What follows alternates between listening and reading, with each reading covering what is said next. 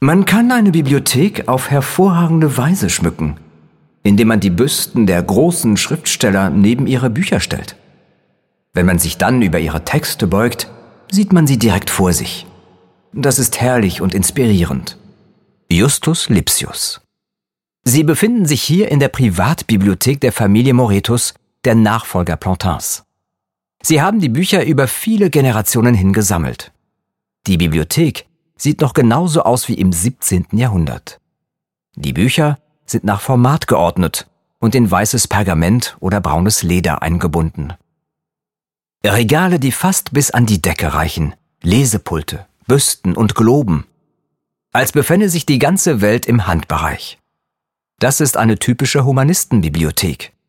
Die Büsten aus Lindenholz stellen Heilige und Päpste dar, die Büsten aus Gips zeigen Köpfe griechischer und römischer Gelehrter und Kaiser.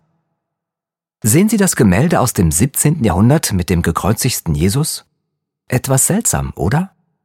So ein Motiv erwartet man doch eher in einer Kirche über einem Altar. Genau diese Funktion hatte auch dieses Bild, denn die große Bibliothek diente eine Zeit lang als Privatkapelle des Verlags.